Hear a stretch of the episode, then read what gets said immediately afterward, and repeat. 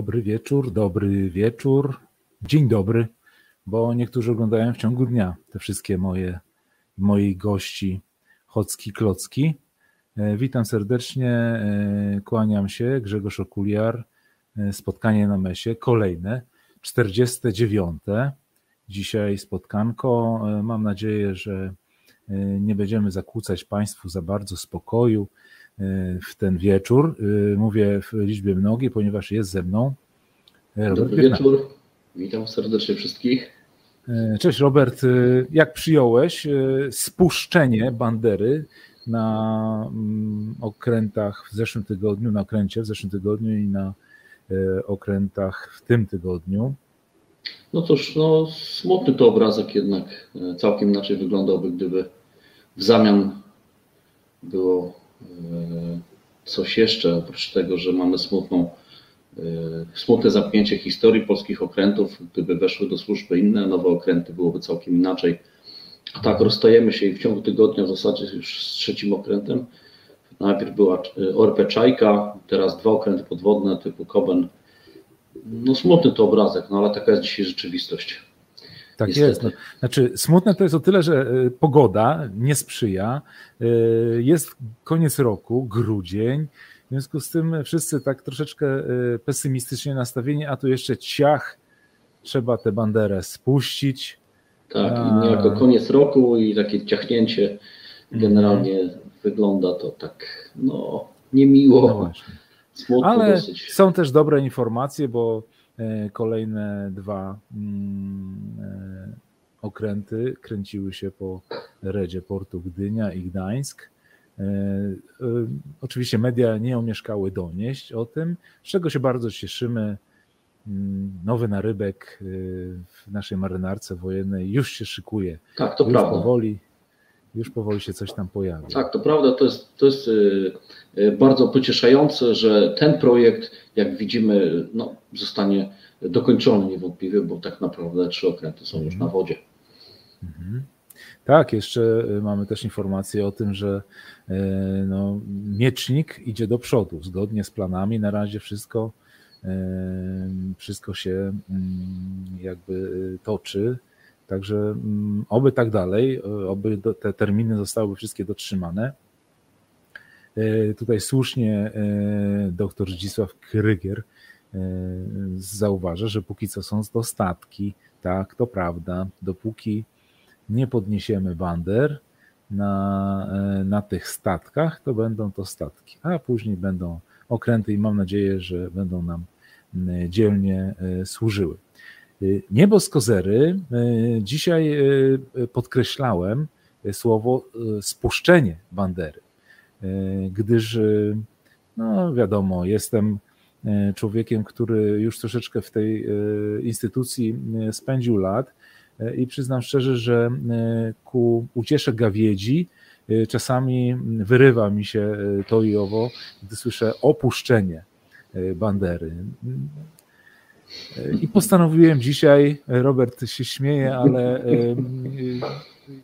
po prostu czasami już nie wytrzymuję. E, co gorsza, pierwszym punktem w regulaminie służby na okrętach marynarki wojennej jest informacja o tym, gdzie dany regulamin obowiązuje i kto powinien go znać. Ba, wszyscy, którzy przychodzą do marynarki wojennej, E, RSO, bo taki jest skrót regulaminu służby na okrętach, e, powinni e, najpierw wypożyczyć, później zapoznać się z nim, później zdać egzamin z regulaminu służby na okrętach, a następnie powinni stosować tenże dokument. Ściśle, stricte, ponieważ marynarka, no właśnie, no nie mówmy, Robert, teoretycznie, bo ja bym bardzo chciał, żeby to było jednak praktycznie. Y, no, ja mówię z tego punktu widzenia, że niestety w różnego rodzaju doniesieniach y, medialnych, może tak ogólnie to określę, bo nie tylko prasowych stricte, mhm. według starej definicji mediów, no pojawiają się te takie no, przejęzyczenia, może, że tak to określę, ponieważ dla niektórych to pojęcie jest jednoznaczne, czy spuszczenie, czy opuszczenie bandery oznacza to samo. Generalnie tak jest, natomiast no, Tutaj należy być tak purystą językowym i trzymać się zapisów RSO, które mówi wyraźnie, e, jakiego pojęcia się używa w takim przypadku. Oczywiście to opuszczenie bandery również wiadomo występuje w jednym określonym przypadku, kiedy opuszczamy banderę do połowy. No właśnie, Natomiast o tym za chwileczkę chciałem powiedzieć, bo e, przyznam się szczerze, że e, zanim dam szansę Robertowi opowiedzieć o, o Nelsonie, to będziecie musieli, ponieważ e, przychodzicie tutaj samowolnie na te nasze spotkania na mesie, wysłuchać tego, co, co mam do powiedzenia, a chciałbym przedstawić swoje małe co nieco w temacie spuszczenia bandery i opuszczenia bandery. O co w tym wszystkim e, chodzi? No, przede wszystkim chodzi o dokumenty, które o tym mówią. A więc pierwszym dokumentem, którym, do którego ja jako marynarz się odnoszę, jest dokument, który nazywa się Regulamin Służby na Okrętach Marynarki Wojennej, w skrócie RSO, który został e, wydany e, i zatwierdzony decyzją ministra obrony narodowej z 21 czerwca 2000 2011 roku. W tymże dokumencie mówi się zawsze o tym, gdy bandera jest spuszczana albo ściągana z drzewca, mówi się o spuszczeniu bandery. Jedyne słowo, które jest dopuszczalne w tym momencie, jeśli mówi się o opuszczeniu bandery, to opuszcza się ją do pół. Świadczy to o tym, że ta czynność jest niedokonana, tak? czyli nie następuje spuszczenie, tylko opuszczenie do pół i to wtedy na znak żałoby. Oczywiście, gdy mówimy o e, ostatnim spuszczeniu bandery, no to wszyscy od razu łapią za ceremoniał wojskowy Sił Zbrojnych RP, który jest załącznikiem do decyzji ministra obrony narodowej, wskazanej tutaj z datą i pozycją w dzienniku. I jest y, tam ceremoniał y, oraz scenariusz ostatniego opuszczenia bandy. Co ciekawe, wszyscy jakby biorą przykład z ceremoniału, ponieważ jest tam scenariusz. Można się na nim oprzeć i w jakiś sposób skorzystać z tego, co tam jest napisane, żeby później tą całą naszą ceremonię przeprowadzić. No i do czego zmierzam? Do tego, że marynarze zobowiązani są korzystać z regulaminu służby na okrętach i ze słownictwa w nim zawartego.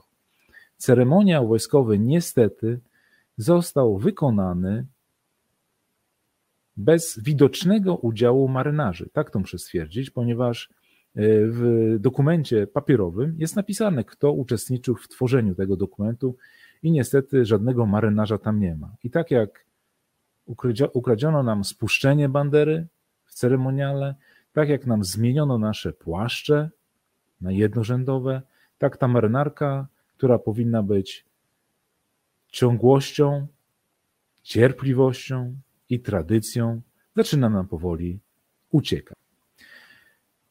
Nie bez o tym wspominam, ponieważ sprawdziłem trzy RSO, które mam u siebie e, i w żadnym z nich nie było opuszczenia bandery. Stąd też śmiem twierdzić, że powinno się spuszczać banderę, a nie ją opuszczać. E, to ja tyle mam na obecną chwilę. Nie będę tego tematu wałkował. Myślę, że jeśli ktoś chciałby podeliberować na ten temat, to na privie zapraszam serdecznie. E, spóźniają się tutaj jeszcze i pozwolę sobie ich przywitać, ale myślę, że przejdziemy powoli do prezentacji, bo czas leci. Ukradłem 12 minut, ale myślę, że ku dobrej sprawie. Robert, co ty myślisz o tym? Nie słyszę cię. Wyłączyłeś mikrofon. Albo ja ci wyłączyłem. Tak. Te, teraz cię, proszę cię, tak. teraz możesz mówić. Kwadrans, kwadrans y, y, wprowadzenia był. Przejdziemy Przejdziemy do chorącego sorki, sorki. To poczekaj, zanim przejdziesz jeszcze do prezentacji, bo chciałem Państwa poprosić oczywiście o to, żebyśmy się jak zwykle wspierali. Słuchajcie, jesteśmy na YouTubie, gdzie już zaznaczyłem, że jest tam e, ekipa i stara się tam jakieś komentarze. wskazywać. Jesteśmy na Facebooku również, tak? Jesteśmy na obu platformach i te obie platformy się uzupełniają wspaniale. Jeśli ktoś nie ogląda e, tego, e, chociażby na YouTubie, e, tej, tego, tej prezentacji, tej, tych naszych rozmów tutaj, to bylibyśmy bardzo wdzięczni za to, żeby, za to, żeby zostawił komentarze pod, pod filmem całym. To jakby ułatwi też niektórym innym znajdowanie nas w sieci. To jest jedna rzecz. Druga rzecz, chciałem jakby powiedzieć, że mm, no, warto po prostu w nas troszeczkę czasami zainwestować e, i czasami e, poprzeć nas na Facebooku w postaci tych e, łapek w górę, serduszek, czegokolwiek, tak? No to teraz myślę, że spełniliśmy swój obowiązek reklamowy i możemy przejść do meritum sprawy i, i wrzucić Horacio Nelsona. Tak, rozpoczynamy dzisiaj nasz cykl. Oczywiście on będzie się e, przeciągał w czasie, myślę, że całego przyszłego roku. Mm, chciałbym powiedzieć e, wspólnie, w zasadzie chcielibyśmy opowiedzieć o kilku najważniejszych postaciach z historii wojen morskich, w historii świata oczywiście. No i tak na dobrą sprawę chyba wydaje się, e, że generalnie taka opinia panuje na całym świecie, że dzisiaj zaczynamy od tego, tego najwybitniejszego chyba Oczywiście to zawsze jest e, podejście bardzo subiektywne, dlaczego e, miałby być Nelson ten, tym najwybitniejszym. No ale jak doskonale wiemy, e, kilka spraw związanych z jego życiem, z jego mm, życiem zarówno prywatnym, jak i życiem zawodowym przeniknęło na stałe do historii, historii marynarek wojennych na całym świecie. Doskonale wszyscy znamy historię Oczywiście jest to pewna legenda dotyczącą e, kołnierza marynarskiego czy krawatu, munduru marynarskiego. Wszystkie te elementy mówi się, e, że są związane właśnie z admirałem Nelsonem. Mm, no jest, są to bardzo takie ważne elementy, ponieważ my się nimi posługujemy już od kilku dobrych stuleci, tak na dobrą sprawę. Mówimy o postaci, która żyła na przełomie XVIII i początku XIX wieku ponieważ e, Horatio Nelson urodził się w 1758 roku e, w Anglii e, i to był jego czas, druga połowa wieku XVIII, to był jego ciekawy czas. Ja jego życie podzieliłem na dwie części i o tym zaraz po kolei opowiem. Nieco sobie starałem się mm, tak usprawnić mówienie o postaci, ponieważ no, był tak samo ciekawy, jak nieco chaotyczny w swoim życiu i ciężko trochę się o nim opowiada, więc e, wybaczcie, jeżeli czasami będę do czegoś wracał dwukrotnie, ponieważ pewne rzeczy wynikają z siebie i raz powiem to, e, bo tak trzeba powiedzieć, jeżeli chodzi o e, pewną chronologię, a później będę wracał, bo będę chciał również opowiedzieć jako o człowieku, dowódcy i przywódcy, bo on w swoim czasie zasłynął wśród swoich ludzi właśnie tą ostatnią definicją, znakowitym przywódcą i dowódcą. A dlaczego taki był, to wynikało również z jego cech charakteru. Z tego co ja wiem, to ja już chyba mogę sobie coś tutaj przełączyć. No, dzisiaj jest takie usprawnienie właśnie, że tak. E, dzisiaj ja nie klikam, ja siedzę, słucham, aż się zasłuchałem. Proszę. Po 49 odcinkach jest sukces technologiczny z mojej strony, także bardzo się cieszę. E, dlaczego rozpoczynam od tej mapy? E, rozpoczynam od tej mapy, bo początki e, młodego Horatio Nelsona właśnie dotyczyły tego e, skrawka świata, czyli krótko mówiąc Indii Zachodnich. Tak wtedy określano generalnie, jak widzimy tutaj na mapie Karaiby, no i masowo pływano właśnie w tym kierunku. No i powiedzmy sobie otwarcie, Horacy Nelson, z Polski, może troszkę powiemy tak to imię bardziej po polsku, od małego, bo mając już 12 lat, zaczął pływać. Jak to się stało? No stało się, trochę życie wymusiło na nim, ponieważ posiadał liczne rodzeństwo. Niestety mm, nie do końca znanych okolicznościach zmarła jego mama i w związku z tym jego wuj, e, kapitan Maurice Sackling, dowódca żaglowca, zaoferował, że weźmie na wychowanie, oczywiście na statek e, tegoż małego szkraba, bo zaledwie 12, 12-letniego i tak się też stało. Mając 12 lat, wypłynął swoją pierwszą podróż i tą pierwszą podróż e, w zasadzie w ciągu dwóch, trzech lat po wejściu na pokład odbył między innymi w ten rejon, był również tak zwanych, był również w Arktyce. E, to też bardzo ciekawy fragment jego życiorysu, a następnie udał się do tak zwanych Indii Wschodnich, czyli dzisiejsza e, Jawa, Sumatra, e, zwane również Indiami holenderskimi. To były takie tereny, gdzie przez pierwsze swoje lata życia pływał razem ze swoim wujem. Ale co najważniejsze, e, to wczesne pływanie, to wczesne nabywanie wiedzy, umiejętności morskich spowodowało, że tak bardzo pokochał, no w sumie później ten zawód, że stał się wybitnym żeglarzem, wybitnym dowódcą i wybitnym przywódcą. Oczywiście nie działo się to wszystko w bardzo prosty sposób, ale mniej więcej w dwóch etapach postaram się o tym opowiedzieć. Pierwszy etap służby, tak w historiografii przez historyków został nazwany e, ułożony profesjonalista. Tak to brzmiało, może dziwne się to wydaje w stosunku do dzieciaka, a później młodzieńca, ale tak było, ponieważ, jak wspomniałem, wstąpił do służby w 1770 roku, a więc w wieku 12 lat, a już 7 lat później, mając 19 lat, został porucznikiem i dostał pierwszy przydział na fregatę HMS Lowestoft. E, no, mając 19 lat i bycie oficerem, to była naprawdę duża sprawa w tamtym czasie, e, ale powiedzmy sobie, poznał wszystkie tajniki ówczesnego żeglarstwa, od podszewki. Zaczynał od majtka i piął się w hierarchii y, załogi y, zgodnie ze swoimi umiejętnościami i zdolnościami. I popatrzmy dalej, już dwa lata później, w 1779 roku, został wyznaczony na dowódcę, otrzymał stopień kapitana. Mm, tu oczywiście wracamy do nazewnictwa. Został kapitanem okrętu, czyli w dzisiejszym znaczeniu otrzymał stopień komandora. E, captain, czyli komandor. I z automatu w wieku 21 lat został dowódcą fregaty HMS Hinchbrook. E, no to było niezwykłe i już został wtedy zauważony w admiralicji brytyjskiej jako niezwykle zdolny młody dowódca. I w mhm. tym a, czasie. A czy my wiemy, tak. czy on się wsławił czymś? Czy tylko po prostu y, uznano, że jest na tyle zdolny, charyzmatyczny, ma wiedzę, że można go zrobić dowódcą fregaty? Tak, to były y, te zdolności, które były bardzo widoczne na pokładzie.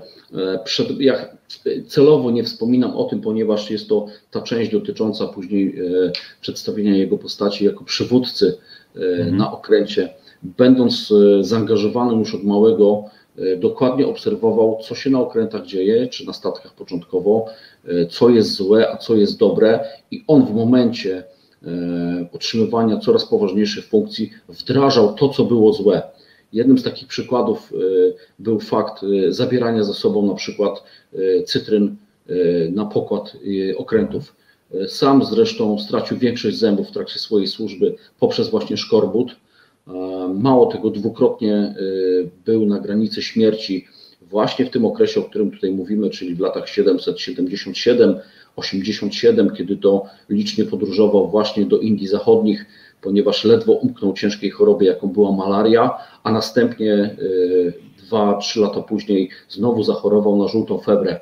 Mm, to się dosyć często zdarzało wśród załóg, tym bardziej, że te załogi schodziły na często nieznane wyspy, właśnie na Morzu Karaibskim, no i załoganci zarażali się po prostu od tubelców różnymi chorobami. Zresztą sami też przynosili te choroby, często e, nieświadomie. E, no i te początki były dla niego e, bardzo dużym doświadczeniem. I to spowodowało, że on sobie jak mógł zaczął wdrażać to w czasie własnego dowodzenia, już zaczynając od bycia dowódcą fregaty HMS Hingebrook. Ale też dał się poznać jako osoba, która podejmowała bardzo szybko decyzje i te decyzje były często trafne. E, na tyle były trafne, że dało się odczuć i załogi to widziały, że jest to osoba, której można zaufać. mm, od samego początku, jak mógł, zawsze wstawiał się za załogą. I to jest jedna z cech, którą podkreślają wszyscy. Na końcu mam kilka takich mm, cytatów dowódców, którzy podlegali pod niego i w jednym zdaniu w zasadzie określali to, kim powinien być każdy dowódca czy przywódca, e, dowodząc e, okrętem. E, I ten okres, jak popatrzcie, tutaj zamknąłem taką klamrą do 1987 roku, ponieważ zawarł związek małżeński z Francis Nisbet. Fan Nisbet dokładnie poznał tę panią, a w zasadzie wdowę na wyspie, którą dzisiaj określamy St. Kitts and Nevis E, jest to jedna z niedużych wysepek karaibskich. Mm, zawarł z nią związek małżeński, ponieważ jej mąż zmarł i przeprowadził i zabrał ją, zabrał ją oczywiście do Wielkiej Brytanii. I ten etap ułożonego profesjonalisty kończy się w 1987 roku, ponieważ przez następnych 5 lat, 5 lat w zasadzie do 1793 roku zostaje bezrobotnym. To jest też taka ciekawostka. Zosta, dostaje zaledwie połowę poborów. I z racji tego, że w tamtym czasie jego usługi nie były konieczne, ponieważ e, Wielka Brytania nie prowadziła wojen, e, przynajmniej większych wojen, no więc był bezrobotny i czekał na wezwanie. I doczekał się tego wezwania już w 1793 roku ponieważ otrzymał dowodzenie na okręcie liniowym HMS Agamemnon. No, była to już poważna jednostka, która na swoim pokładzie posiadała 62 działa. Oczywiście nie była to jedna z największych jednostek na świecie, o tej powiemy za chwilę. Niemniej jednak było to spore wyróżnienie. I w związku z tym, i to jest bardzo ważna uwaga dotycząca jego całej kariery, ponieważ jego największe sukcesy przypadły również na czas największych sukcesów innej wielkiej postaci w tym okresie, czyli Napoleona Bonaparte. I tak naprawdę jego wielkie wojowanie było zawsze związane z Francją, czyli krótko mówiąc, jego wielkie zwycięstwa to były zwycięstwa z flotą francuską i francusko-hiszpańską, ponieważ te dwa państwa później istniały w jednej koalicji. Już w 1794 roku wziął udział w walkach na Korsyce, w czasie ataku na miejscowość Calvi. Jak doskonale wiemy, Korsyka to matecznik Napoleona Bonaparte. Y, nieszczęśliwie dostał odłamkiem w trakcie natarcia, a trzeba tutaj podkreślić, y, tak jak wcześniej zostało zauważone, y, był brawurowo odważny. To podkreślali wszyscy jego podwładni. Nie bał się iść w pierwszej linii, będąc nawet dowódcą w czasie dokonywania abordażu na inne okręty. Szedł jako pierwszy. No, a Czyli stosował zasadę E, nie naprzód, tylko za mną. Za mną, tak, tak, tak dokładnie. Okay. Tak, to przywództwo właśnie w ten sposób się u niego również wyrażało. E, no niestety e, przy ówczesnych środkach bojowych, jakie były stosowane na okrętach, a więc używania dział no, ciężkiego kalibru, ale także kartaczownic, gdzie latało mnóstwo drobnych i odłamków i pocisków, no, był narażony na śmierć bądź ciężkie kalectwo. I tak się już stało w 1794 roku, ponieważ otrzymał odłamkiem e, cios w prawe oko, nie dało się tego oka uratować. To jest też taka swego rodzaju ciekawostka. Zwróćmy uwagę na wszelkiego rodzaju portrety, które mm, zachowały się, czy niejako został sportretowany przez różnych artystów. W zasadzie na żadnym z nich nie nosi czarnej opaski a taką nosił. Natomiast na portretach troszkę był idealizowany i nie pokazywano tego jego braku oka. Pokazywano inną kontuzję, którą, o której zaraz powiem, a więc o ramieniu, e, które też miał bardzo mocno kontuzjowane i niestety musiało być amputowane, więc całe prawie ramię zostało amputowane. Nieco później, bo w 1797 roku, w czasie nieudanego ataku na statki w porcie Santa Cruz na Teneryfie, też otrzymał postrzał na tyle poważny, że jego lekarz na okręcie musiał mu to ramię odciąć.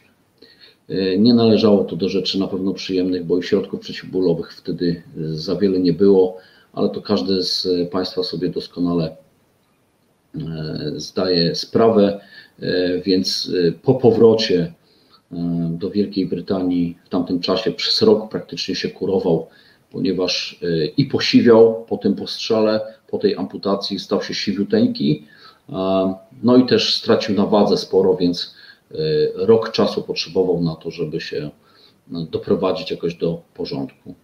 Ale nieco cofnę się jeszcze w czasie, bo do lutego 1797 roku e, został wyznaczony po słynnych walkach właśnie na ataku na Calvi na dowódcę HMS Captain. E, był to okręt liniowy już nieco większy, ponieważ posiadał przeszło 70 dział. No i tutaj po raz pierwszy błysnął dwoma rzeczami. Po pierwsze, niezdyscyplinowaniem i złamaniem rozkazu, a po drugie, błysnął fantastycznym wyczuciem E, wykorzystania nowego rodzaju taktyki, która nie była wykorzystywana przez admiralicję. E, w, e, we flocie brytyjskiej walczono według starej taktyki, tak zwanej liniowej, mm, o której za chwilę powiem na przykładzie dwóch bitew.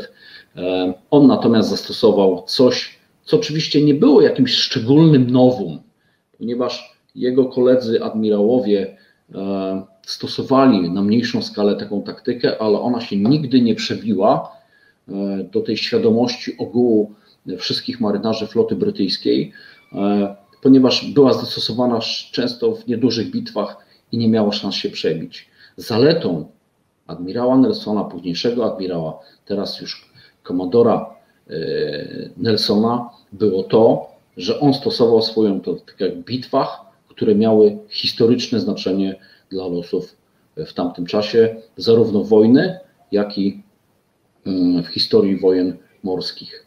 I pierwszą taką bitwą była bitwa z flotą hiszpańską koło przylotka St. Vincent. E, będąc jednym z dowódców, krótko mówiąc, bo w tamtym czasie, w czasie tej bitwy dowodził e, admirał e, John Jervis, też nie mniej znany admirał, oczywiście nie tak znany jak admirał Nelson, ale w tamtym okresie był jednym z wybitniejszych dowódców floty brytyjskiej. Niestety, mm, tak jak już wspomniałem, prowadził ten pojedynek, tą bitwę z flotą hiszpańską w sposób tradycyjny i tylko i wyłącznie dzięki znakomitemu refleksowi Nelsona, który złamał rozkaz, złamał szyk, e, trzy okręty wyrwał z szyku i doprowadził do uderzenia na straż tylną floty hiszpańskiej, co spowodowało, że nie doszło do okrążenia sił brytyjskich. W wyniku dosyć e, dużej mgły nie wszystko można było zaobserwować, natomiast e, ten fakt zaobserwował Nelson i dzięki temu doszło do fantastycznego zwycięstwa pod St. Vincent. Ono zostało częściowo zapisane oczywiście na konto admirała Jervisa, ale tak naprawdę główną robotę tutaj wykonał e, w sumie młody jeszcze, bo E, komandor Nelson. No, zasłynął przede wszystkim pojedynkiem z największym okrętem świata ówcześnie, 130-działowym okrętem liniowym hiszpańskim Santissima Trinida i 80-działowym San Nicolas. W czasie swoich działań dwukrotnie wdarł się na pokład tegoż ostatniego i drugiego okrętu liniowego San Jose, które zajął. No, to było niezwykłe dokonanie za ten wyczyn, pomimo tego, że złamał rozkaz oficjalnie, powinien zostać ukarany zgodnie z regulaminem dyscyplinarnym ówczesnej admiralicji, powinien zostać rozstrzelany, ale z racji tego, że wygrał bitwę, otrzymał nominację na stopień kontradmirała. E, no tak odważni czasami w bitwie mieli. Nie będąc odważnymi, nie zdobywało się świata i taki charakter właśnie miał um, admirał Nelson. Ale I jeśli z... mogę Ci przerwać, tak mhm. się, powiem Ci tak, tak się zastanowiłem, to wychodzi na to, że mm, trzeba być krnąbrnym i mieć troszeczkę szczęścia e, i można e, dzięki temu e, awansować i pomóc swojemu losowi w, w, w służbie. No tak, być może generalnie tak w ogóle chyba trochę tych cech trzeba mieć w ogóle w życiu, E, szczerze mówiąc. Niemniej jednak w, w służbach, czy ówczesnej służbie, na okrętach było to wysoce ryzykowne. E, to powiedzmy sobie otwarcie. E, nie wiem na jakiej podstawie zdecydował się Nelson, żeby w ten sposób reagować i nie bać się konsekwencji. Mhm. No właśnie, Inna sprawa, że brawurowo odważny. Ta brawura często przesłaniała mu fakt przejmowania się tym, że być może za dwie czy trzy godziny po bitwie może stracić życie. On w ogóle o tym nie myślał. Mhm. Także mm, no jest to ciekawa jego cecha, ale umówmy się, ona go wzniosła na szczyt szczytów bycia jednym z najlepszych dowódców w historii wojen morskich świata, a na pewno we flocie e, brytyjskiej. E, no i popatrzmy, w tym samym czasie oczywiście cały czas e, toczy się nierozstrzygnięty pojedynek pomiędzy flotą brytyjską, francuską a hiszpańską na Morzu Śródziemnym. Te walki między sobą trwają. Trwa po raz pierwszy i nie ostatni zresztą, nie, nie ostatni blokada jednego z największych portów francuskich na Morzu Śródziemnym, Toulonu, w której Brytyjczycy blokują wyjście floty francuskiej na Morze Śródziemne. Niestety w wyniku niekorzystnych warunków dochodzi do wyjścia tej floty e, i e, tutaj w tym wypadku Nelson nie za bardzo się popisał, bo nie zatrzymał e, wyjścia w morze dosyć dużej floty Napoleona. Okazało się, że ta flota plus liczne okręty czy statki transportowe zmierzały do Egiptu. Jak wszyscy doskonale pamiętamy w historii, również i ten kraj Napoleon podbił. Oczywiście Nelson ruszył za całą tą armadą z własną eskadrą, 15-okrętową e, eskadrą okrętów liniowych. No i niestety nie dopadł ich, ponieważ zdążyli się już mm, w zasadzie wyładować na brzeg. Natomiast udało się Nelsonowi dorwać całą eskortę którą znalazł pod Abu Kirem, a w zasadzie u ujścia Nilu, ponieważ 1 sierpnia 1798 roku doszło do bitwy, która określana jest bitwą bądź pod Abu Kirem, bądź bitwą pod czy nad Nilem. No i w tym wypadku e, ta bitwa jest uważana za drugą, w zasadzie no, chronologicznie pierwszą najważniejszą bitwę w jego historiografii, ponieważ za wyczyn, i o tej bitwie za chwilę powiem, e, otrzymał tytuły księcia Gibrontu, e, ale to od króla Neapolu później i na znak zwycięstwa na Nilu otrzymał tytuł barona Nilu. I w tym wypadku należy wspomnieć również o postaci, która pojawiła się w jego życiu, Lady Emma Hamilton. E, kobiety miały na niego bardzo duży wpływ, szczególnie Lady Emma Hamilton, żona ambasadora brytyjskiego w Neapolu. Z racji tego, że gro swojej kariery Nelson spędził e, nad Morzem Śródziemnym, to taką jego bazą stał się Neapol. Zresztą zaprzyjaźnił się również z królem Neapolu, e, bardzo mu pomagał i to w sposób bezpośredni w momencie, kiedy został pozbawiony władzy.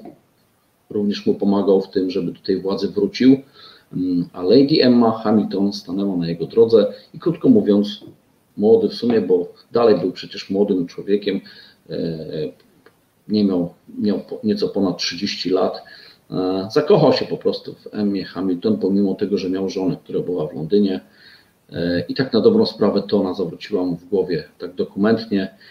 Miała również dosyć bardzo udane powiązania na dworze brytyjskim. W związku z powyższym uważa się, że część tych szybkich jego awansów było związanych również z wpływem jej na dwór królewski. Bo jak popatrzymy, oczywiście jeszcze jej nie znam, w 1997 roku otrzymał nominację na stopień kontradmirała, a już w 1801 został wiceadmirałem, już po poznaniu Lady Emmy Hamilton.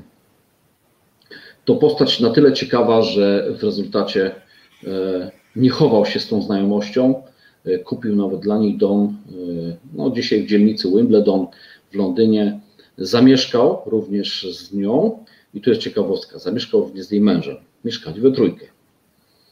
To jest ciekawa no. sprawa.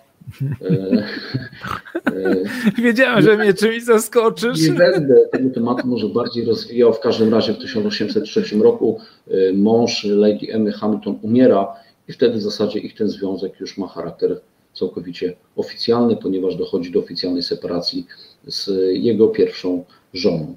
I tutaj pojawiają się właśnie kobiety. On był strasznie w niej zakochany. W zasadzie zachowały się listy Nelsona, w których opisuje jego stan ducha związany właśnie z obecnością Emmy Hamilton. No I niewykluczone, że bycie tym romantykiem też wpływało na jego styl y, dowodzenia.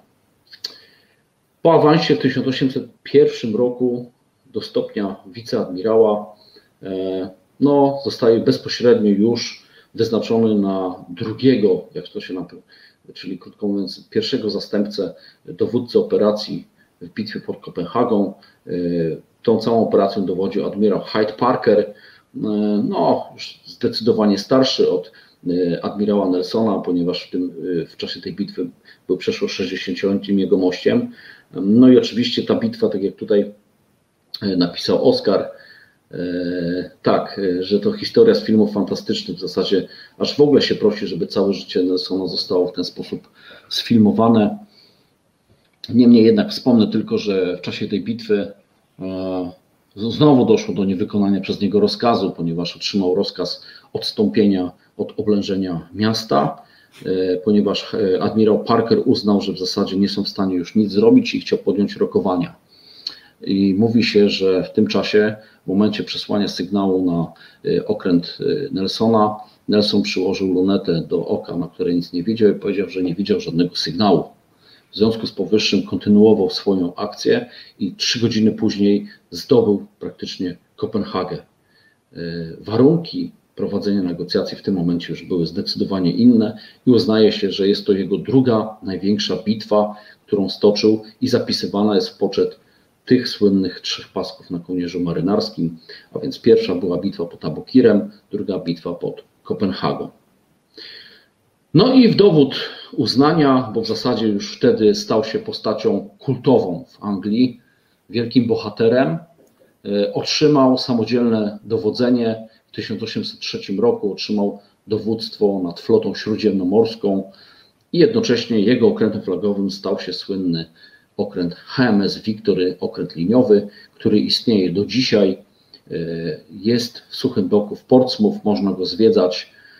To jednostka, która została zachowana przez Brytyjczyków na znak ogromnego szacunku dla admirała Nelsona.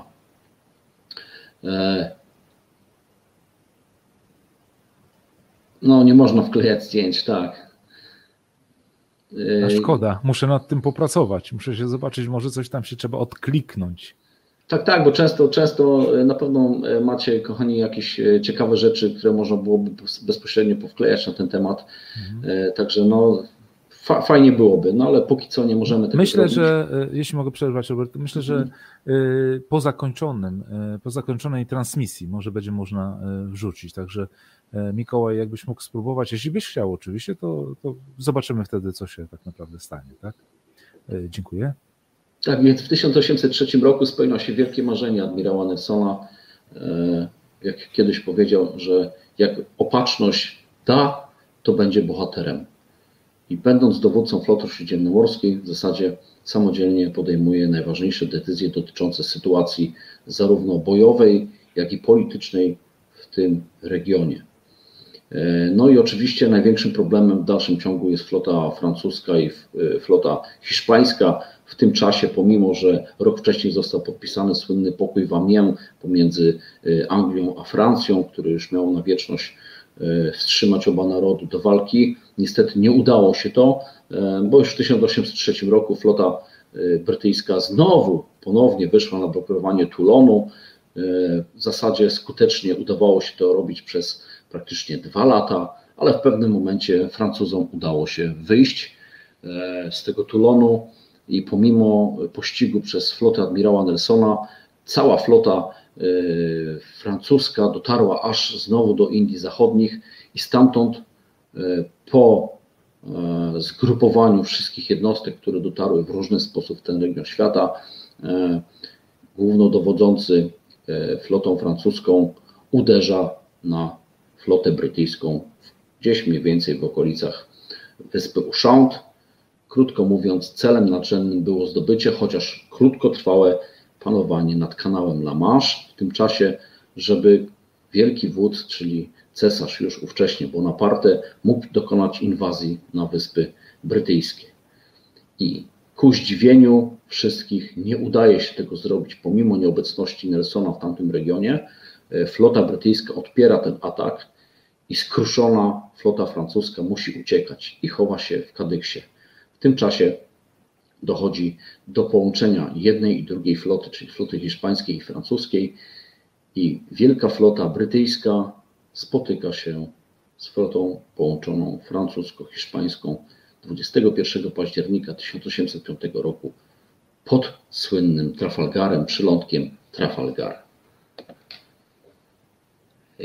I o tej bitwie powiem za chwilę, bo skoncentruję się na czymś, nie chciałem o tym wcześniej mówić, ponieważ chciałem to pokazać na mapie, co oznacza to pojęcie, które napisałem na górze Pell Mell Battle. Szczerze mówiąc, próbowałem znaleźć w wielu słownikach, co to tak naprawdę oznacza, no i w końcu mi się udało. Pell Mell Battle oznacza, krótko mówiąc, taktykę. Taktykę, którą stosował e, admirał Nelson w trakcie swoich prowadzonych bitew. E, była ona również nazywana Nelson's Touch, czyli dotknięcie Nelsona. E, a polegała ona na błyskawicznym, oczywiście jak na tamte czasy, no bo e, posiadając żagle, no nie można w jakiś sposób szczególnie szybki się przemieszczać, ale błyskawicznym w sensie zagrywki taktycznej, przemieszczeniu się okrętami i niespodziewanym, a mel oznacza chaos wręcz, niespodziewanym prowadzeniu totalnego zamętu wśród przeciwnika. I popatrzmy tutaj na bitwę pod Abukirem. E, wszystkie e, symbole okrętów czerwone to są okręty brytyjskie, natomiast niebieskie to okręty francuskie. I na czym polegała ta taktyka? E, popatrzymy na Francuzów, doskonale widzimy, że wszyscy są ustawieni w szyku obronnym w linii i nieważne, czy to był szyk obronny, zawsze miał linię, szyk do ataku również był w linii, a więc jednostki ustawiały się w swoim torze. I ciekawostką jest to, że popatrzcie, e, jeżeli Nelson atakował, to z automatu, z szyku, w którym wszystkie okręty szły, rozbijał je na kilka grup i dokonywał błyskawicznych ataków w różnych miejscach. Zwycięstwo pod Abukirem e, było jak to określa się w literaturze brytyjskiej, bo nawet dotarłem do określeń e, między innymi w Encyklopedii Britannica, że flota francuska w czasie tej bitwy e, uległa anihilacji, czyli całkowitemu unicestwieniu, bo praktycznie z 14 e, okrętów 13 zostało albo zajętych lub zniszczonych. A dlaczego tak się stało? Bo mało który dowódca uderzał, jak sobie popatrzymy, i ryzykował życie swoich załóg, wchodząc pomiędzy mieliznę, a to widzimy po lewej stronie, ten ciemniejszy kolor to jest mielizna, okręty francuskie na niebiesko i proszę popatrzcie, z góry uderzał swoimi własnymi jednostkami pomiędzy mieliznę a okręty francuskie. I co się stało? Francuzi w ogóle nie byli przygotowani na ten atak, bo jak popatrzymy z tej strony, lewa burta, czyli cała artyleria lewoburtowa w ogóle nie była przygotowana do odparcia ataku. Ta strona okrętów była całkowicie bezbronna i Brytyjczycy wykorzystali to no, w bezbłędny sposób. Inna grupa uderzała bezpośrednio w sam środek, żeby rozerwać cały tor liniowy, no i w ten sposób robił się tak ogromny bałagan, czyli ten angielski mel, że w zasadzie tylko Nelson umiał nad tym zapanować. I to jest cecha y, jego taktyki. Główną cechą taktyki była umiejętność koncentrowania ognia na poszczególnych okrętach przeciwnika. E, jeżeli dwie czy trzy jednostki znalazły się wokół dużego okrętu przeciwnika, wszystkie prowadziły do niego ogień e, w tym samym czasie. Zniszczenia były ogromne i straty, jakie ponosili Brytyjczycy w porównaniu do przeciwnika, czyli do Francji, Hiszpanii, były po prostu znikome. Wspomnę, że w czasie tej bitwy zginęło zaledwie 400 Brytyjczyków, w przeciwieństwie do Francuzów, których było przeszło 2,5 tysiąca. I Mniej więcej tym samym stylem Nelson operował w czasie swoich bitew. I przejdziemy do tej najważniejszej. Tutaj pokazuję y, jednostkę, o której wspomniałem, czyli HMS Victory. Y, to okręt, który dzisiaj możemy dalej sobie oglądać i zwiedzać w Portsmouth. Y, pokażę później również inne ciekawe zdjęcie związane z innym okrętem o nazwie Nelson, na cześć Nelsona. I nad, z tego okrętu właśnie dokładnie dowodził admirał Nelson 21 października 1805 roku w czasie bitwy pod przylądkiem Trafalgar. Popatrzcie, jak wyglądała ta taktyka, czyli znowu mamy ustawienie z prawej strony połączonych sił hiszpańsko-francuskich, które sobie szły w linii i nagle z, od zachodu y, dwie kolumny, pierwsza dywizja, czyli krótko mówiąc pierwsza eskadra y, zgrupowana pod dowództwem wiceadmirała Collingwooda, a druga była bezpośrednio prowadzona przez dowódcę całej operacji, czyli admirała Nelsona. Nelson osobiście przebywał na pokładzie Wiktorii. Wiktoria, jak sobie popatrzycie na mapę, idzie jako pierwsza w lewym ugrupowaniu. No i to spowodowało, że niestety nadziała, nadział się ten okręt na dosyć zmasowany atak przeciwnika. E, no i w trakcie działania e, strzelcy francuscy, którzy e, dokonywali dosyć zmasowanego ostrzału, stojąc na rejach, jeden z tych strzelców, snajperów, trafił admirała Nelsona w kręgosłup. Kula nieszczęśliwie przeszła właśnie przez płuco, część kręgosłupa i mm, część jego ramienia. No, dosyć nieszczęśliwe było to zdarzenie. E, oczywiście nie była to jego pierwsza rana, ale ta akurat okazała się śmiertelna. E, I ciekawostką jest to, że został e, trafiony śmiertelnie już na początku bitwy. Bitwa rozpoczęła się przed godziną 12 w południe, zakończyła się po 5 godzinach. I dlaczego mówię, że to ciekawostka? Ponieważ wcześniej zawołał na odprawę na pokład Wiktorii wszystkich dowódców okrętów, przedstawił im swoją koncepcję. Dokładnie każdy z nich wiedział, co ma robić w czasie bitwy, jakie są alternatywy związane ze zmianami w czasie tej bitwy. Jak popatrzymy na przebieg tej bitwy i na to, że został ciężko ranny na początku, to on tak naprawdę w tej bitwie już nie dowodził, ponieważ e, jego medyk e, wziął go na dół pod pokład, żeby inni marynarze tego nie widzieli, że y, admirał Nelson jest ciężko ranny. W związku z powyższym szybko zabrano go pod pokład. Mm, I na dobrą sprawę wszyscy dowódcy wiedzieli, co mają robić, i ta bitwa potoczyła się w zasadzie swoim torem. A dlaczego wiedzieli, co mają robić? No i to drugie pojęcie, którego użyłem w pierwszym slajdzie.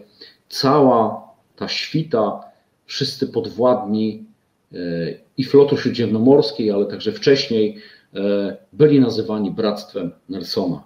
Dlaczego? Ponieważ wszyscy dowódcy dokładnie realizowali taktykę głównodowodzącego. Dokładnie wprowadzali wszystkie zasady związane z dowodzeniem, przywództwem, a także reagowaniem dyscyplinarnym, jak to się dzisiaj określa na okrętach. E, te zasady, które wprowadził na swoich jednostkach Nelson, kiedy zaczynał dowodzić, to wszystko przetransponował później w trakcie swojej służby i nauczył wszystkich swoich dowódców, jak mają to robić. A najważniejsze, i to jest bardzo ciekawa rzecz, nauczył wszystkich dowódców okrętów myśleć samodzielnie. Wcześniej we flocie brytyjskiej w zasadzie dowódca zawsze podejmował decyzję, przy kutorowym wszyscy przyglądali się sygnałom. Nieważne jaka w zasadzie była sytuacja, to reagowali na to, co powiedział głównodowodzący. Tutaj dowódcy w czasie bitwy mieli określone zadania narzucone przez Nelsona, ale w wypadku zmiany sytuacji taktycznej mogli reagować samodzielnie, bo istotny był wynik całej bitwy, a nie wynik walki pojedynczego okrętu. I to jest istota tej jego taktyki, którą nazwano Nelson's Touch, czyli tak zwane dotknięcie Nelsona. Jednocześnie chcę podkreślić, że ta taktyka to nie był pomysł nowy i tego Nelson wcale nie wymyślił, ale potrafił na tyle to znakomicie ułożyć z punktu widzenia wojskowego i morskiego, że ta taktyka odniosła za jego dowodzenia największe sukcesy we flocie brytyjskiej. Pomimo tego, że sam spotkał się w czasie tej bitwy ze śmiercią, to jego podwładni zrealizowali to jego zadanie perfekcyjnie. I na samym początku podał sygnał do, do walki. England expects that every man will do his duty. Anglia spodziewa się, że każdy z Was wykona swój obowiązek. I tym zawołaniem wszyscy jego dowódcy szli do ataku. Zmarł o godzinie 16.30 na pół godziny przed zakończeniem całej bitwy, także świadomie wiedział, że wygrał tę bitwę, choć de facto nie wiedział, że za chwilę umrze. I legenda tutaj mówi, że po jego śmierci chciano oczywiście z odpowiednimi honorami go pochować.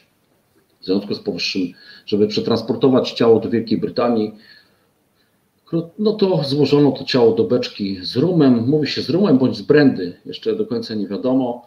E, nieświadomi marynarze na pokładzie e, Wiktorii z racji tego, że lubili sobie popijać bez zgody oczywiście z tych beczek rum, no popijali ten rum, w którym był zakonserwowany ich dowódca.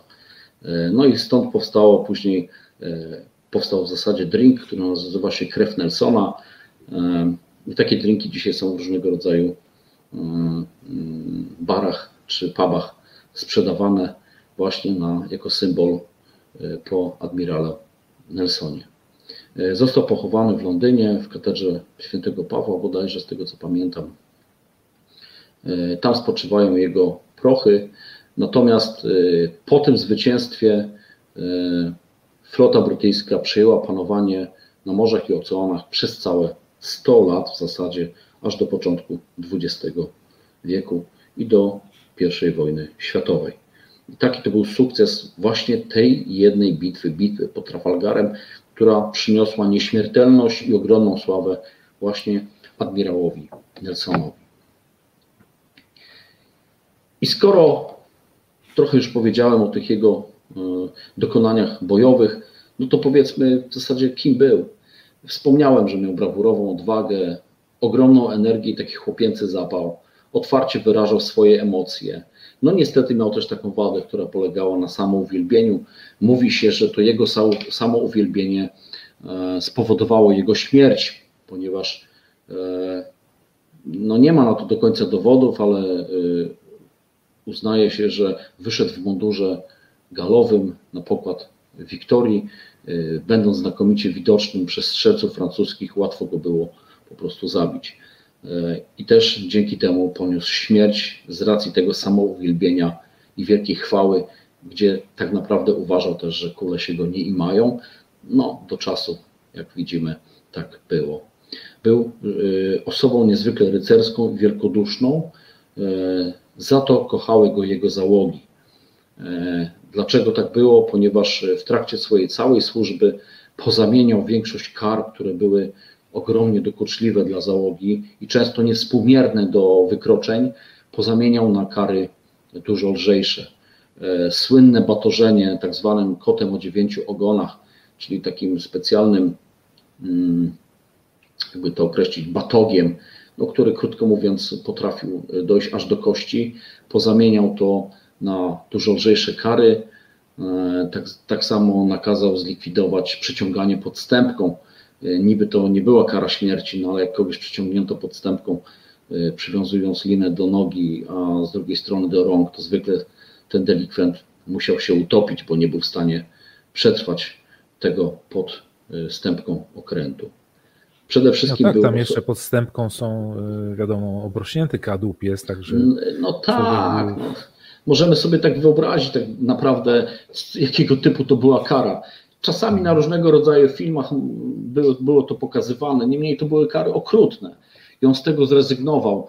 I wbrew pozorom, e, co się mówiło wtedy, bo admiralicja, szczerze mówiąc, tego nie e, pochwalała, bo to było wbrew ówczesnym regulaminom. To kolejny element nawiązywał do tego, że on łamał te regulaminy, no ale nikt nie był w stanie go za to sądzić, ponieważ te zmiany powodowały, że wszystkie załogi, którymi dowodził, były świetnie wyszkolone, e, znakomicie operowały artylerią. No to, to był wyznacznik sukcesów Nelsona, moim zdaniem, bo jak trochę poczytałem na ten temat, to wydaje się, że to była sprawa kluczowa. Ale kluczową też sprawą było pozwolenie dowódcom na prowadzenie samodzielne operacji w czasie dużej operacji. Czyli krótko mówiąc, to, czym on zasłynął w czasie bitwy pod Sam Vincent, zezwolił na to później swoim dowódcom, na tego typu działania. Dał im swobodę nie, działania. Dał im swobodę, oni się nie bali podejmować decyzji, bo w świetle tego, co powiedziałem, za łamanie regulaminu bez zgody, to w zasadzie był pluton egzekucyjny. I ta odwaga później skutkowała w czasie bitwy, że te bitwy po prostu były wygrane. E, także było to e, niezwykle istotne. Czy ja mogę wrócić do tego slajdu jeszcze? Tak. Proszę. E, no i Ostatnia cecha to przywiązanie i dbałość o załogę. Tak jak powiedziałem, będąc już małym chłopcem, pływał, on doskonale widział, co należy zmienić, co jest złe, co jest dobre. Więc wyobraźcie sobie, że z własnych pieniędzy pokrywał koszty listów wysyłanych do rodzin z różnych odległych y, zakątków świata. Wydawał regularnie wino i grog Było to niezwykle istotne z punktu widzenia utrzymania mm, zdrowia, e, bo nie, wino i grog nie służyły tylko do, tego jednego, doskonale sobie zdajemy sprawę. Zabierał na pokład za każdym razem owoce. To była podstawa, żeby ludzie po prostu nie cierpieli na szkorbut, nie tracili też przez to e, zdrowia. No jak wspomniałem, karcenie było, ale przedkładał to na początek tłumaczeniem. Ludzie doceniali ten fakt e, i przez to byli mu bardzo lojalni, oddani, wierni.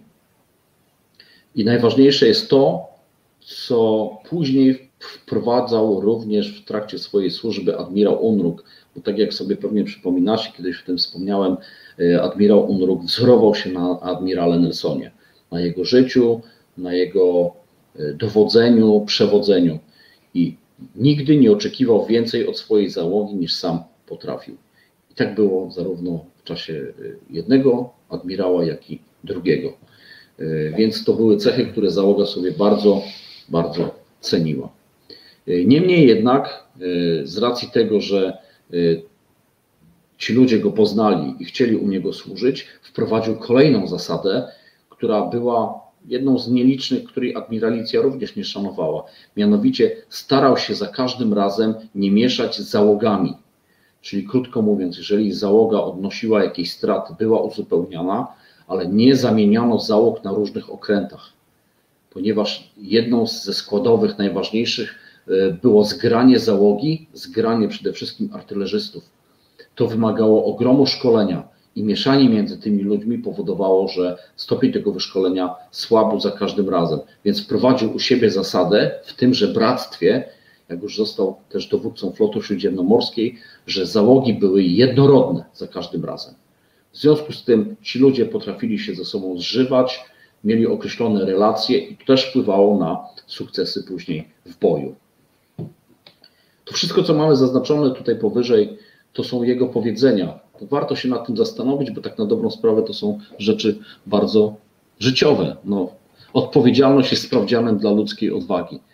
E, najpierw pobić nieprzyjaciela, a później negocjować. No, tym przykładem była właśnie bitwa e, pod Kopenhagą. Kopenhagą. E, najśmielsze metody są najbezpieczniejsze. No, za, za każdym razem je stosował. Tutaj sprawa jest oczywista. I człowiek odważny umiera tylko raz, tchórz umiera przez całe życie.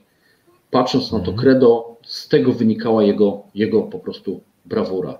No nie ukrywajmy, że też miał no, ogromne, ogromne szczęście, no bo e, bez tego długo nie pożył. Choć oczywiście no, bardzo długo nie pożył, bo mm, zginął mając zaledwie 47 lat. Także y, mógł oczywiście dłużej pożyć, ale się nie dało, też między innymi dlatego, że takie prowadził życie, a nie inne. I wymieniam tutaj na tym slajdzie to wszystko, co już powiedziałem, nie będę tego powtarzał. Mm, taki był, to stosował i nie ukrywajmy, to przyniosło mu ogromny sukces. Połączenie e, ludzi ze sobą, właściwe ich wyszkolenie, dbanie o załogi spowodowało, że stał się przez te załogi uwielbiany e, i jak pokażę, to może przejdę, już nie będę omawiał samej istoty tego przywództwa, bo tak na dobrą sprawę już o tym wszystkim e, powiedziałem. O tym mówili jego podwładni, kapitan Malcolm z HMS Donegal w czasie bitwy pod Trafalgarem. Nelson był człowiekiem, którego się po prostu kocha. I to mówili faceci, prawda? Jest tak zacny i uprzejmy, żeśmy gotowi robić wszystko, co on zechce, bez żadnych rozkazów. To znaczyło, że po prostu był wybitnym dowódcą i jednocześnie wybitnym przywódcą, bo tak mówili bezpośrednio jego dowódcy okrętów. E, a to znaczyło ogrom, znaczyło bardzo, bardzo dużo. Hmm. E, no i tutaj pozwoliłem sobie, przypadkiem znalazłem to zdjęcie. Super jest, zdjęcie. Jest fantastyczne, ponieważ tutaj widzimy replikę Wiktorii, czyli okrętu flagowego. Notabene Wiktoria okrętem flagowym e, była w zasadzie jest do dzisiaj, nie wiem czy wszyscy wiecie, drugi Lord Admiralicji y, przebywa na tym okręcie, pomimo, że jest to okręt muzeum, y, jest to okręt jednocześnie flagowy floty brytyjskiej do dzisiaj. Mm, ale zestawiłem to zdjęcie, bo jest fantastycznie zrobione. W tle to nic innego jak słynny pancernik Nelson, który został wybudowany razem ze swoim siostrzanym okrętem HMS Rodney. To były dwa okręty, które brały udział w czasie II wojny światowej, zostały wybudowane w 1922 roku i tutaj mamy słynnego, słynny pancernik Nelson z okrętem flagowym Nelsona. Przepiękne zdjęcie ktoś e, zrobił, e, godne porównania. E, warto się zainteresować, poczytajcie na temat tych dwóch pancerników, ponieważ ich budowa była ich budowa była specyficzna, ponieważ wszystkie, cała główna artyleria była na dziobie. To była rzadkość w tamtym czasie. Wszystkie pozostałe działobitnie były zgrupowane na śródokręciu i rufie, głównie przeciwlotnicze i o mniejszym kalibrze. A armaty czy działa kalibru 406 mm, to doskonale widzimy na tym zdjęciu, znajdowały się na dziobie. Oczywiście ten okręt miał też swoje wady, ale konstrukcyjnie były to niezwykle ciekawe jednostki. Warto o nich poczytać. Nelson raczej nie był znany w trakcie działań w czasie II wojny światowej. Bardziej i więcej mówiło się o jego siostrzanym okręcie, czyli HMS Rodney, e, ale nie każdy wie, że Nelson również uczestniczył w, w zasadzie w dobijaniu później Bismarcka swoją artylerią. I tak to wyglądało. I wiecie co? Próbowałem znaleźć do dzisiaj, czy jest okręt we flocie brytyjskiej, który do dzisiaj nosi nazwę czy imię Nelsona. I nie znalazłem. Może wy coś wiecie, bo ja nie znalazłem okrętu, który dzisiaj by no, nosił nazwisko tego wybitnego dowódcy brytyjskiego. Z tego wynika, że ostatnim okrętem był właśnie tenże okręt liniowy, który widzimy tutaj na zdjęciu. I kończąc już swoją opowieść na temat admirała Nelsona, w sumie wybitnego dowódcy, który swój ślad pozostawił tak naprawdę we wszystkich marynarkach wojennych świata, choćby ze względu na historię związaną z umundurowaniem, to należy wspomnieć na końcu o tej jego najważniejszej kobiecie ukochanej, którą, z którą niestety nie zdążył się ożenić ponownie, bo zginął no w zasadzie bardzo szybko, bo już w 1805 roku i ta jego ukochana po prostu zmarła w ogromnej biedzie. E, pozostawił wprawdzie córkę, którą na jego cześć e, miała na imię Horatia i ta córka przeżyła. E, miała się no, o tyle dobrze, że gdyby żył Nelson, to byłby dosyć pokaźnym dziadkiem, ponieważ ta jego córka urodziła dziesięcioro wnucząt. Hmm. I to też taka ciekawostka. Po admirale Nelsonie troszkę tak przeleciałem przez temat, bo warto skupić się na literaturze. Przyznaję otwarcie, że w polskiej literaturze niewiele jest na temat admirała Nelsona. Jest jedna biografia, mm, bardzo ciekawa, fajnie jest opisywany okres jego służby właśnie na samym początku, kiedy pływał razem ze swoim wujem. Y, w literaturze brytyjskiej jest dużo, dużo tego więcej. Wystarczy sobie wpisać y, w Scholar Google, bo to też jest taka fajna wyszukiwarka, o której mało kto wie ona szybciej wynajduje różnego rodzaju zarówno artykuły, książki, prace naukowe dotyczące danej osoby i wierzcie mi, kompletnie nie znalazłem niczego, co byłoby tam napisane po polsku. No może przesadziłem, że dwa artykuły były, natomiast większość literatury jest w języku angielskim e, i to autorzy brytyjscy poświęcają uwagę no, swojemu wielkiemu bohaterowi, jakim był admirał Nelson. No i to by było Pięknie. Chyba Robert, na dziś tyle. Zmieściłem się. tak. No, eee, tak. Kasia napisała, że czuje się jak na Sorbonie. Eee, ja też się zasłuchałem. Nie musiałem dzisiaj klikać, w związku z tym tak. słuchałem sobie e, z zaciekawieniem i obserwowałem komentarze. E, I pozwolisz, że e, zanim tu przejdziemy jeszcze do meritum sprawy, to E, pokażę, co tu się działo na grupie, bo ma taką możliwość, sobie zaznaczam te fajniejsze. Mm, była dyskusja na temat e, tego, czy e, co pływa. No, Mikołaj to od razu skomentował odpowiednio, że pływa wiadomo co i, i deska. Tak. To była odpowiedź tak. do, do doktora Zdzicha. Mhm. Jest tutaj również informacja od pana admirała Lendy, że w ceremonialnie morskim i etykiecie jachtowej mm, jest zapis, że Banderas się spuszcza na okrętach. Bardzo dziękuję za wsparcie. Oskar przy okazji tutaj e, rozmowy o okręcie i czym jest okręt przypomniał, czy przedstawił angielskojęzyczną definicję, to do poczytania dla, dla chętnych. Mhm. Waldek w czasie tutaj dyskusji prosił, żeby nie, deprawować, nie deprawować młodzieży, gdy mówiliśmy o Nelsonie e, e, i jego zachowaniu tym krnobrnym takim i łamaniu rozkazów. E, natomiast jak widać to przynosiło pewne efekty, prawda? Ta nasza młodzież dzisiejsza no, chyba już jest wystarczająco rozpuszczona. Także wspomniał również tutaj Zdzichu Krygier o niesubordynacjach w naszej flocie i o tym, co e, porucznik e, Ściślickim, Ściślicki uczynił na swoim okręcie flagowym na, na ścigu, także co robił.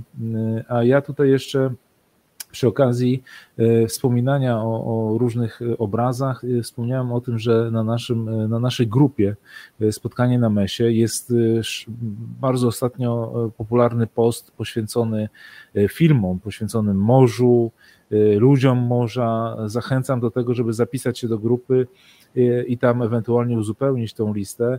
Y, y, tutaj Maciej Borchardt napisał, że y, trzeba się zarejestrować na forum. Nie, nie, znaczy trzeba się, znaczy polecam albo proszę może, żeby się zapisać na grupę i wtedy będzie się otrzymywało powiadomienia o tym, że coś tam się dzieje na, tym, na tej grupie, jakieś posty się pojawiają, ale myślę, że faktycznie, tak jak Maciej napisał, warto się tam pojawić. To jeśli chodzi o, o tematy, które były w międzyczasie. E, I tutaj podsumował mnie pan admirał Czesław Dycz, że ostatnie spuszczenie bandery jest opuszczeniem. I myślę, że zakończymy ten temat, ponieważ ja się już na ten temat wypowiedziałem, a płynnie przeszlibyśmy w tym momencie do tego, co się będzie działo, ponieważ my z żaglowcami na tym odcinku nie kończymy. Na szczęście, e, ponieważ e, udało mi się zaprosić dowódcę żaglowca do spotkania na pokładzie e, spotkań na Mesie. I szanowni Państwo, w przyszłym tygodniu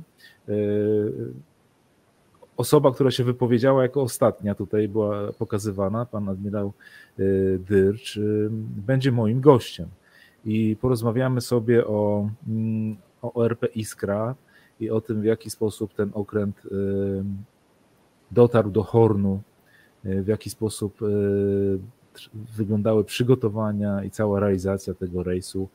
Jestem przeszczęśliwy, ponieważ jest to temat taki, wydaje mi się, że mm, tylko w kręgach znany, a tu uda nam się, mam nadzieję, troszeczkę go rozpowszechnić. Ale to za tydzień, w 50. odcinku takim okrągłym. Na dzień dzisiejszy, no muszę powiedzieć tak, bardzo Ci Robert dziękuję e, za tą przyjemność e, wysłuchania tego sorbońskiego wykładu o hmm. Nelsonie. Było bardzo fajnie. Wiem, że mógłbyś opowiadać o tym bardzo długo, natomiast myślę, że każdy sobie teraz doczyta, a ja bym chciał, bardzo bym się ucieszył, gdyby to, to spotkanie dzisiejsze zaowocowało u Ciebie E, wykonaniem jakiegoś artykułu, przynajmniej o Nelsonie w języku polskim, a nie po angielsku. Mhm. Może uda się gdzieś to wszystko e, kiedyś opublikować i pokazać, że, e, że po polsku też można o Nelsonie poczytać. Byłoby no tak na marginesie, a, a propos ORP mhm. Iskra, bo szukając różnego rodzaju materiałów o admirale Nelsonie, natknąłem się na fantastyczny artykuł dotyczący historii Iskry, ale pierwszej Iskry, z 1927 roku. I kto wie, może post factum, jak już pan admirał opowie o swojej historii, e, przedstawię historię pierwszej iskry, która jest tak ciekawa. Ja zacząłem to czytać.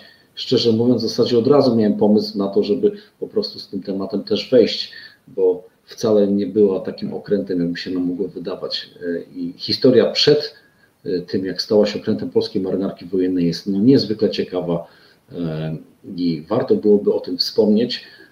I to jest, to jest też fajne w tym wszystkim, co robimy, że przygotowując się do jednego tematu, czasami trafiamy na niezwykle inne, ciekawe tematy. Nie. O matko, co ja zrobiłem? Robert, wróć. Przepraszam Państwa bardzo. Wykorzystam tą sytuację, żeby jakby jeszcze raz wspomnieć o tym, co jesteśmy, gdzie jesteśmy i co robimy. No, chciałem prezentację usunąć, a usunąłem całego Roberta, za co bardzo go przepraszam. Mam nadzieję, że mi wybaczy. Jak nie wróci, to jutro pewnie się mi oberwie po uszach, ale no dobrze. Szanowni Państwo, dziękujemy za spotkanie. Prosimy o, o wsparcie. Jest Robert, jest. Dobrze. Robert, ja Cię bardzo przepraszam jeszcze raz. Ja tutaj już na wizji przeprosiłem. No, chciałem usunąć swoją prezentację, ale wyszło tak, jak wyszło i usunąłem Ciebie jednocześnie, ale myślę, że jeśli mogę, to, to spuentuj na koniec, tak? Chcę powiedzieć, że no jak będziemy, znajdziemy ten czas, to też przygotuję ten materiał na temat pierwszej iskry. Mhm. Zna, znakomita historia warto o tym wspomnieć. E, myślę, że też godzina nam to zajmie. Słuchaj, no tematy same się rodzą w czasie programów. Tak, rodzą się te tematy. Jest mnóstwo rzeczy, do, do których trzeba nawiązać, a sukcesywnie będziemy do tego dążyć. Warto zobacz, zobacz co tu się dzieje. Cię podejrzewają. nie, nie, zostałem po prostu zdjęty z anteny, no, nazwijmy to po imieniu, przez przypadek zresztą. Ale tak, Mikołaj napisał. E, nie, jest dobrze. E, dobra, e, słuchajcie. Dziękuję dobrze, serdecznie za uwagę. Było mhm. fantastycznie miło. Do następnego spotkania. Chyba się już z, z Państwem nie będę widział. Życzę wszystkim wspaniałych świąt. Patrząc na prognozę, dzisiaj będzie mały mróz, przynajmniej tutaj na Pomorzu, więc i klimat świąteczny będzie inny. Wszystkiego najlepszego. Co by się w przyszłym roku wszystkim działo dużo lepiej E, żebyśmy chodzili bardziej zadowoleni, no i przede wszystkim zdrowi, bo to dzisiaj jest kluczowe. Do zobaczenia. Tak jest. Bardzo Ci, Robert, dziękujemy. E, a ja chciałem Państwu e, podziękować za kolejny miły wieczór. Mam nadzieję, że nie zanudziliśmy. I no jak Mikołaj, słuchać proszę tutaj uważnie prowadzących za tydzień w środę o 20 jesteśmy. Jestem ja i mój gość, pan admirał Dyrcz. Będziemy rozmawiali o, mm, o RP Iskra i jej rejsie, gdzie przy okazji mm, pojawił się Horn. Także zapraszam, zapraszamy serdecznie. A ja mówię Państwu bardzo dziękuję. Do zobaczenia. Trzymajcie